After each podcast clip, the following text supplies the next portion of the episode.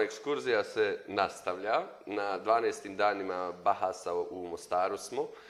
Besjede i Bahas razgovaraju o, vrlo važnim temama u kontekstu obrazovanja budućnosti, no prije nešto predstavimo današnju gošću. Pridružio mi se kolega Namir. Za mene počinje, za mene se ne Konačno, pa dobro si se sjetio. Sam sam morao da vodim razgovore sa sjajnim umovima, a tebe pa nije bilo. priznaj da si to htio. Jedva čekam da, da te izbacimo iz besede. Stavit ćemo na glasanje da će ovo ovaj, namjera zadržati. No, a, doktorica Lila Pojskić sa nama.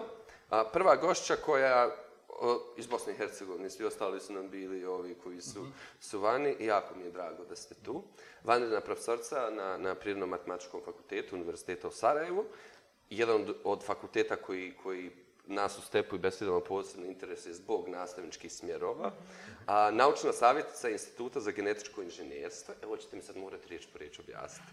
I bio, hvala Kristini što nam je pripremila ovo, i biotehnologiju, e, doktorica bioloških nauka, a uža, volim ove, obožavam uže naučne oblasti, humana molekularna genetika. Wow, svaka mm istraživanja. genetika kompleksnih osobina. Wow, dobro. Nisam ne znala da se bavim Super zvuči. Ovo sam, ovo, sam, vježbao, nadam se da ću izgovoriti kako treba. Farmakogenomika, jesam dobro? Da.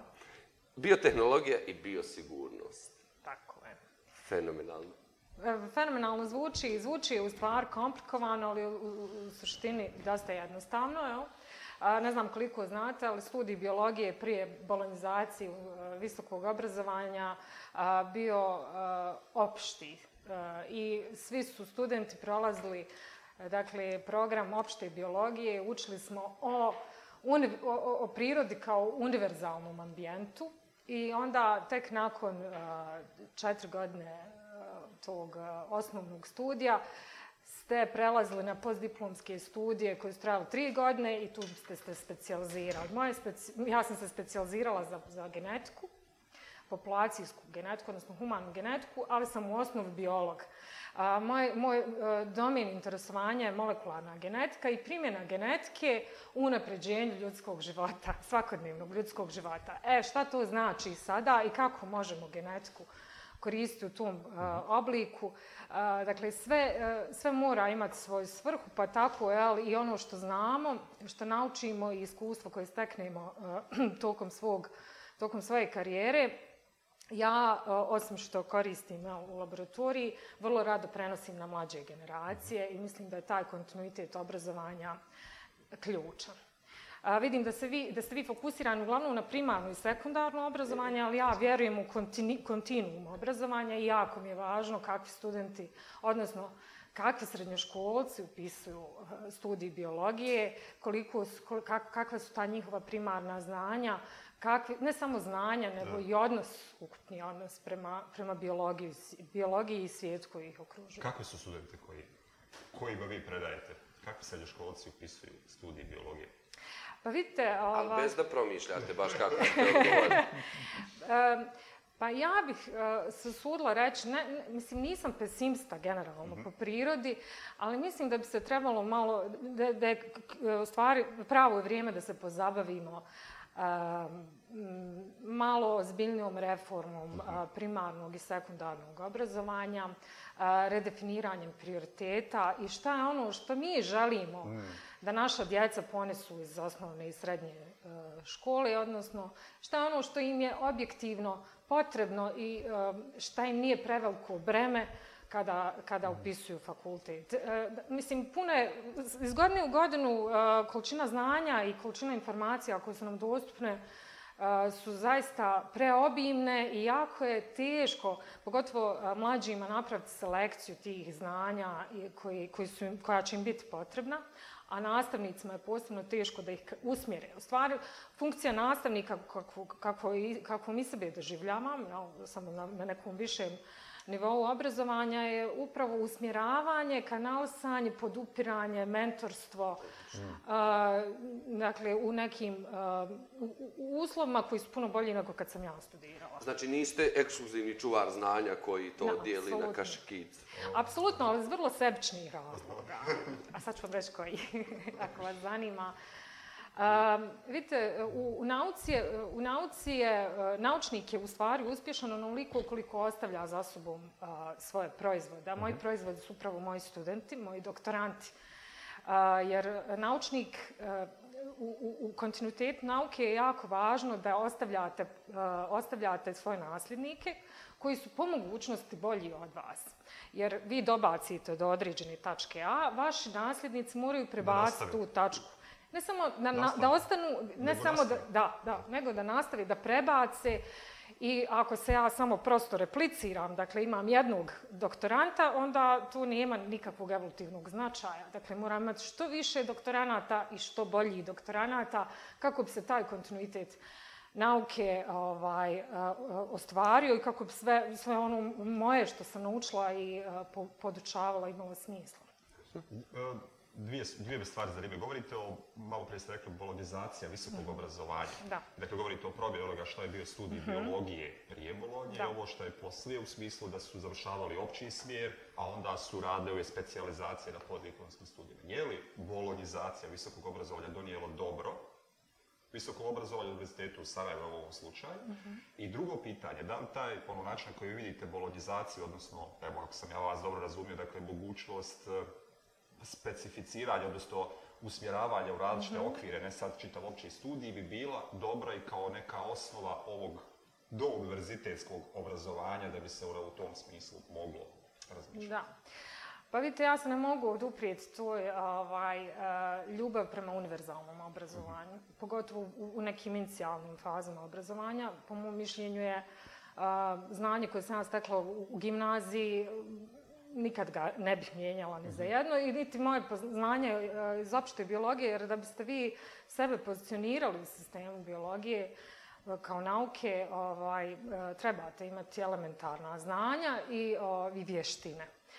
Ali naravno tu, više nije moguće. Ne postoje univerzalni naučnici, ne postoje univerzalni učenjaci i moramo naći neki, da kažem, adaptogeni model kako se prilagoditi tome, e, mislim, e, tim tekovnama savremenog čovječanstva, što je zaista fantastično, mhm. jel da se možete usmjeriti, vi praktički danas možete biti što god poželite.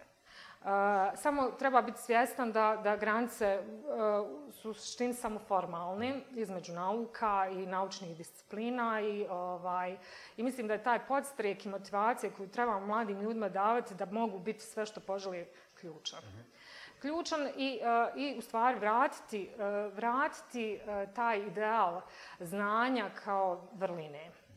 U, to, to, nije to lako. A zašto mislite da nije lako? Pa evo, vidim 30 godina, niš, da se ne vraćam prije, mhm. pošto prije mene nije postojao svijet. Mi se jako trudimo i tražimo saveznike da pričamo o ideji boljeg obrazovanja. Svi smo svjesni da, da kao ovako ima mnogo, mnogo prostora za, za unapređenje, ali ne dobijamo to savezništvo odande odakle bi trebalo. To iz nekog šireg društvenog konsenzusa. Mhm. Kao da jedan dio te, te našeg društva, ovo vrednovanje znanja, znanje kao vrijednost, da, mhm. da se ne prepoznaje ili nije na nekoj hirarhiji vrlo visoko. Pa nije, ali iz prostog razloga, ja, mislim da je tu u stvari naravno istina je vjerovatno nedokučiva, ali ovaj, moje mišljenje lično eh, vezano za to jeste da, smo u da je obrazovanje u stvari konsekvenca neke društveno-ekonomske tranzicije i da je bolonizacija, mislim ideja Bolonje je samo po sebi odlična ideja, zato što eh, ona eh, upravo plasira tu ideju da u tekovnama savremene nauke možete da, da generišete visoko specijalizirane stručnjake koji će vam dati kao društvu komparativnu prednost u privrednom razvoju. I, ehm, i to je super, ali eh, da biste to napravili, morate napraviti infrastrukturu, odnosno okruženje za takvo nešto. I to počinje u osnovnoj školi, nažalost. ne nažalost, nego mi moramo... Taj sistem tako je, mora biti harmoniziran od samog starta, od, od onog momenta kada dijete krene prvi dan u školu do, ovaj, do, do, kraja, a da se pri svem tome uvažava eh, njegova eh, njegova mentalna dobrobit. Znači da ga ne opteretimo previše i da on bude, da to dijete, on ili ona budu funkcionalni, funkcionalne osobe kada su spremne za tržište rada. Da. da. Što zapravo kod nas nije osobina obrazovanja. Da, a, nije iz prostog razloga što možda obrazovanje bi i steklo e, i evoluiralo i e, e, možda i najadaptivnija naša dimenzija mhm. našeg društva. A o tome govori u prilog brojna naša djeca, studenti koji odlaze vani da, se, da, dovršavaju svoje školovanje ili se zapošljavaju u nauci.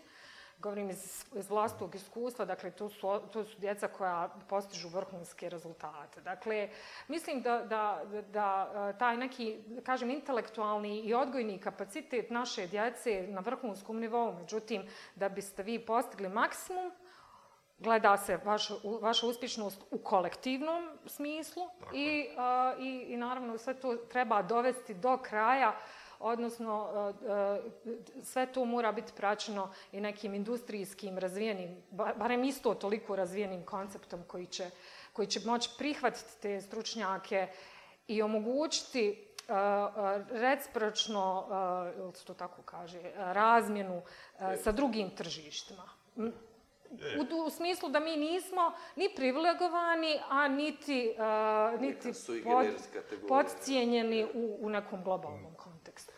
Otkud vama strast i dalje? Mislite u Mostaru? ovaj, pa ja mislim da, da moja strast proističe iz toga što sam izabrala zaista zanimanje koje volim i, i zahvaljujući mom nastavniku biologije e. u osnovnoj školi sam znala već u šestom razredu šta želim da budim kad porastem i zato e, i evo opet se vraćam na značaj. E, ne samo nastavnika biologije, nego je bila tu i nastavnica hemije E, znači, nastavnik biologije, moram ureći ime Miloš Đaletović i e, nastavnica hemije e, Selma Mulahalilović. Hvala vam. Hvala, vam, hvala vam, jeste koji ste razvili moju, moju ljubav prema, prema molekularnom svijetu. Mm. Uvijek jedna osoba, kako... baš mi je drago što ste to izgovorili. Vrlo često Šta, šta znaš da učitelj nisu? Mene nema, na primjer, moja Zineta inspirisala. Da. Ali zato imam divan rukopis. Dakle, pa- nastavnici ili učitelji sve jedno, jedan je termin za ljude koji rade u obrazovanju. Da, A, meni se dopada ovaj razgovor, nisam, nisam znao mnogo o ovom... Niste se nadao. Ne, ne, ne, nisam znao, samo što moram da izgovorim ovo. Um, u toku, ajde ovako, da, da ove nebitne teme, pa ćemo onda na ove bitne teme. Trenutno je u procesu reforma zakona Mhm. Imate li svoj visoko? Kantonalno visoko. Kantonalno Ovdje, da ne bude da se ide nešto šire. Da, to je posebna priča, ovaj, taj, da, da, kažem, ovaj, decentralizirani pristup je potpuno pogrešan, to je broj jedan, mislim. Znači, u startu griješimo, ali evo, recimo da smo, ovaj, da smo tu ehm, tu pretpostavku. Ehm, reforma visokog obrazovanja nam je zaista neophodna iz prostog razloga što način na koji sada radimo ne rezultira sa očekivanim ishodima. Mhm. Da, da, da budem konkretnija, jeli, um, ne produciramo dovoljno uh, uh, dovoljno uh, kompetencija, vještina kod djece koja su, odnosno kod studenta ili osoba koje se obrazuju da bi mogle da to svoje znanje um, na neki način transformišu u, privredi. Uh, uh, on također, dakle, nema, te transformacije znanja konkretno u tehnologiji, niti ima te dovoljno, dovoljno, nema te transformacije znanja, nema dovoljno ni u nauci. Nauka, dakle, jasno su definisani međunarodni e, standardi nauke, e, oni ne poznaju geografske granice i to je, ovaj, dakle, mi ako ćemo biti dijelom e, međunarodne naučne scene, mi moramo ispoštovati te kriterije. Bez obzira koja nam je adresa stanovanja ili adresa institucije u kojoj radimo. Dakle, ja imam tu sreću da radim u ustanovi koja je u sklopu Univerziteta u Sarajevu i koja ima relativno gledano najveću naučnu produkciju u kantonu i u Bosni i Hercegovini po glavi istraživača, odnosno naučnika. I to je ovaj, nešto što mi zaista e, vrlo mukotrpno stičemo, ali, ali za, za uzvrat smo prepoznati na međunarodnom planu i za uzvrat Imamo ljude koji su spremni da, da sjede na, forumu, na forumima sa međunarodnim renomiranim ekspertima i ravnopravno a, diskutuju o nekim naučnim, usko vezanim naučnim temama.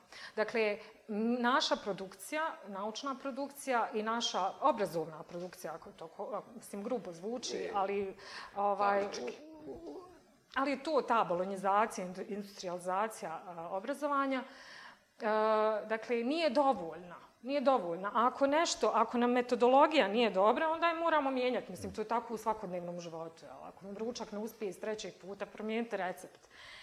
Jel tako? Ili šerp. Šalim se. Ovaj, eh, dakle, potrebno je da se redefiniše, bez ikakve, bez eh, ikakve lažne skromnosti ili samouvjeravanja da smo mi dobri kad nismo. Ovaj, e, mislim, ja govorim, opet je tu kolektivna osobina, ne govorim, mislim, ja kao što rekao moje kolege, ne, ravnam tu prema svojoj instituciji, svojim kolegama, nego prema nama kao kolektivnom, e, e, faktoru i i mislim da tu ima mjesta za napredak i zašto da ne mijenjati zakon ako nam je zakon okvir u koji nam postavlja standarde i recepturu kako ćemo doći do tih očekivanih ciljeva. Ovi prigovori koji su išli za sa partijskog u Sarajevo se zapravo tiču upravo najviše napredovanja mhm. ljudi koji rade u universitetu u smislu da nisu svi u jednakoj poziciji, odnosno naučna oblast kojom se oni bave zapravo nema eh, jednak pristup onome što se traži unutar samog prijedloga zakona. Tako da ne prirodno-humanistički fakultet vjerovatno ima da. prirodi, ne, ne, eh, ovi humanistički, fakultet humanističkih nauka, jezičkih i tako dalje, kao nemaju. Dakle, to ono, ja sad govorim ono što su bili prigovori na sam nacrt zakona. Dakle, je li zakon omogućava zaista svim poslanicima da to rade i je li uopće moguće propisivati to na nekom jednakom nivou za sve? Pa mislim, načelno, eh, bi trebali biti ustanovljeni eh, neki eh, da, neki jedinstveni kriteriji, a onda bi trebalo naravno specificirati i pojedinačne, kriterije, ali prije, svake reforme je dakle, neophodno napraviti studiju state of the art ili onoga gdje smo i šta smo. Ali to čini mi se da nikako ne možemo objektivno da napravimo i da priznamo sebi da nismo tamo gdje bismo trebali biti ili gdje u najmanju ruku bismo mogli biti u minimumu nekom. Ehm, opet, eh, dok ne izađete iz te zone komfora, evo, mislim sad, ovaj, floskula, ali ne, možete ni znati koliko, koje su vaše granice eh, i eh, mislim da, da, bi bilo potrebno možda i napraviti taj, tu analizu trenutnog stanja, pojedinačno za sve oblasti, identificirati određene ciljeve i definisati parametre po kojim, odnosno indikatore koje biste vi pratili u tom nekom kratkoročnom, kratkoročnoj i dugoročnoj evaluaciji progresa. Ali tu je sada više metodologija u koju ja ne bi da ulazim. Naravno, ne bi nikome da pametujem. Ne, logike. Ne bi da, pametujem nikome. Mislim, znam da je tu radio ovaj, interdisciplinarni tim ljudi i da su napravili najbolje što su znali, mhm. taj prijedlog. Ja mislim da bismo ipak trebali ovaj, začepiti nos i skočiti u duboku vodu probati, pa uvijek se možemo vratiti tamo gdje jesmo. To je dobro i radimo. Jes, to nam ljudi. Plivamo. Mene, raduje sad to što će se desiti ove rasprave i što će Institut za društvene istraživanja pri Fakultet političkih nauka da održi nekoliko debata, vrlo važno. Mhm. Meni to ima smisla. Ajde da meni je taj dijalog važan, da se, da se čuju različite strane. A, imamo signal da ovaj... a pa, pa nema veze, neka smo, zabavan mi razgovor. Um, I nećemo, nećemo. Um, jel vjerujete u budućnost nauke u BH? Ali isključite optimistkinju iz vas. Pa sad, vidite, mi nikad nećemo biti vodeća časila u nauci, mislim koliko god se trudili, zato što, mislim, zato što treba neko realno vrijeme. E, mi možemo biti u pojedinim oblastima prepoznatljivi, e, biti kao pojedinci zanimljivi za neka globalna istraživanja, međutim, kao u nauci ne možemo ovaj, parirati e, nekim veoma razvijenim univerzitetima ili institutima u svijetu koji imaju tradiciju investiranja u ne samo novca, nego i znanja u razvoj novih generacija.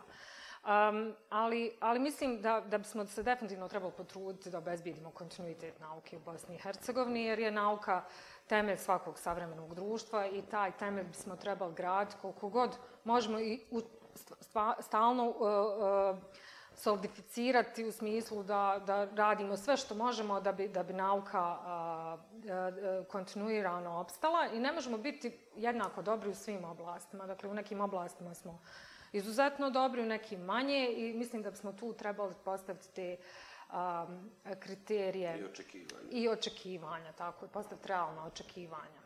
Ali ja sam zaboravila reći zašto sam u Mostaru. E pa htjeli smo vas pitati, ali... ali ja ne dam, ne dam priliku. Ovaj, jel viška tu? Nije, nije, ja bi važno. Ono, mi oko vidimo, dakle, to o čemu ste govorili. Tako, to sad baš vodim. Da, da, dakle, to ono, o čemu ste vi govorili, šta je, važno i da nas naučite, mhm. ono, nešto si i gledatelje stvari. Pa nas možete propitati. A nemojte na višim nivoima mišljenja, samo ono... donijela, tu je ono. negdje. Da, ne, to. Evo, mislim, ja sam um, e, u Mostaru zato što sam e, članca forma koji se odnosi na istraživanje covid i, i mhm. međudisciplinarnu, odnosno interdisciplinarnu saradnju i tu sam prezentirala istraživanja koja su rađena na mom institutu, a na inicijativu kriznog štaba kantona Sarajevo, mhm. Ministarstva zdravstva kantona Sarajevo i tu je u stvari jedan primjer na koji način se nauka i naučna saznanja generisana ili kod nas ili negdje drugo, mogu prevesti u tehnologije, e, odnosno u inovativne tehnologije upravljanja. E, Pričamo i je upravljački mehanizam Ministarstva zdravstva mhm. kriznog štaba.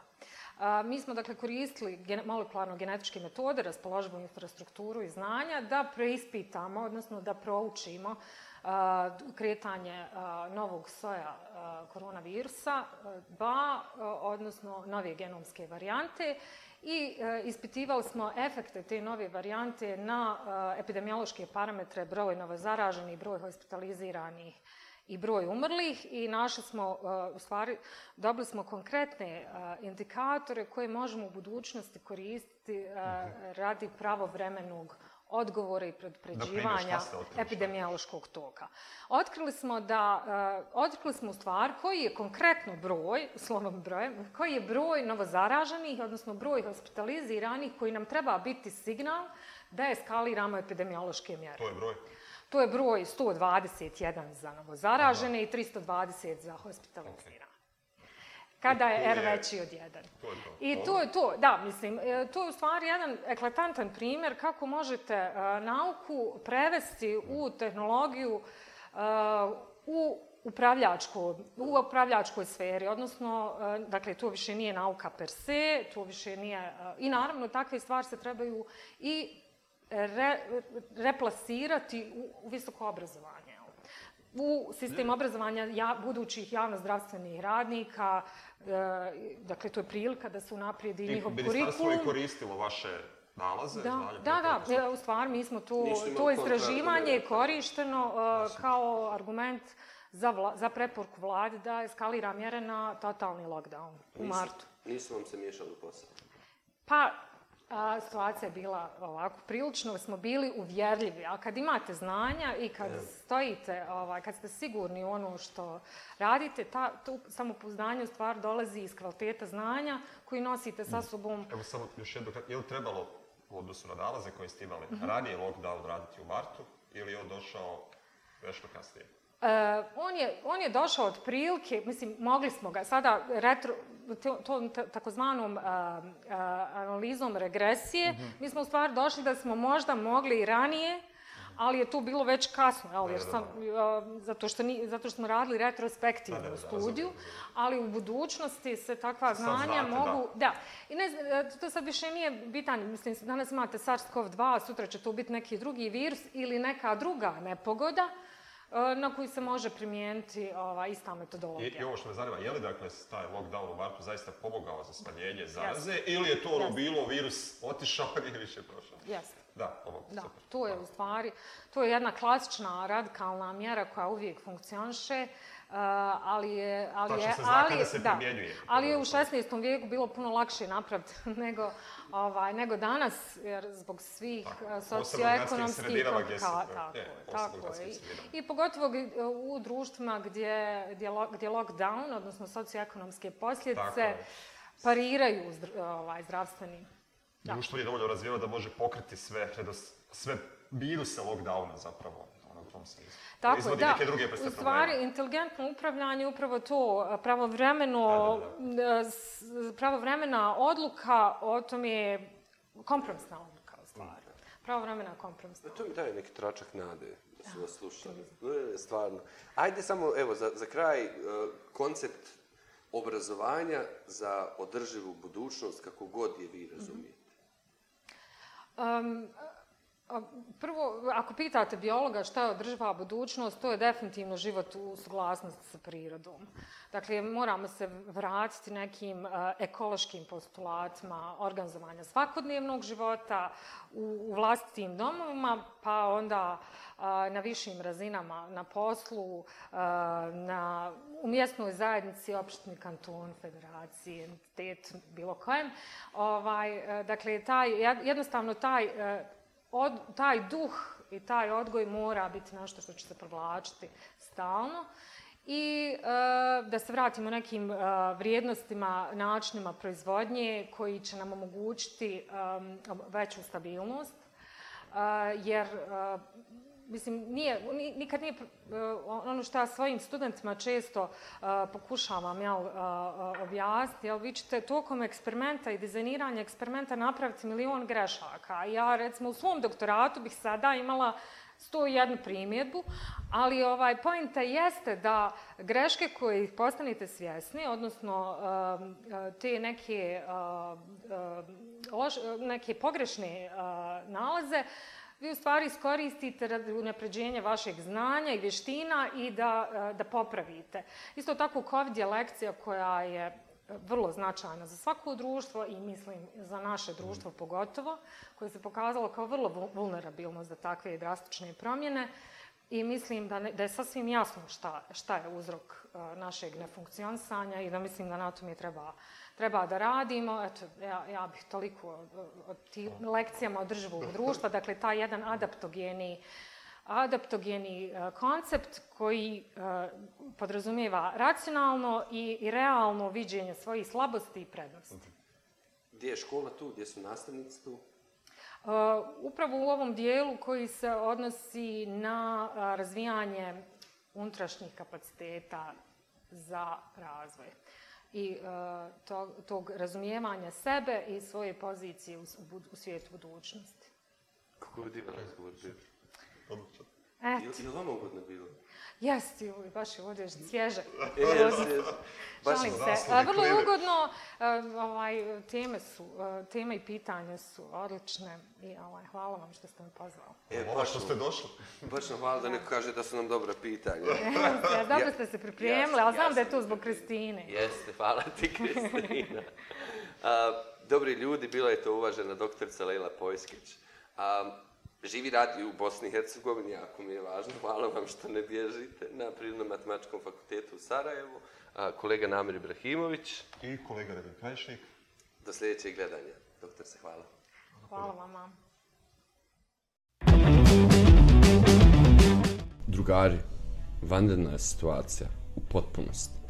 Dakle, YouTube nam je poslao mail da će nas ukinuti i besjede i step by step i reformu obrazovanja, sve ako ne, Evo, molim vas. Evo, samo sada. Ako ne, ništa prije nikada nikoga nisam molio. Evo, sada vas molim, molim vas uradite subscribe, jer time ćete pomoći da se reforma obrazovanja ne nastavi, a besjeda da ide dalje. Hvala.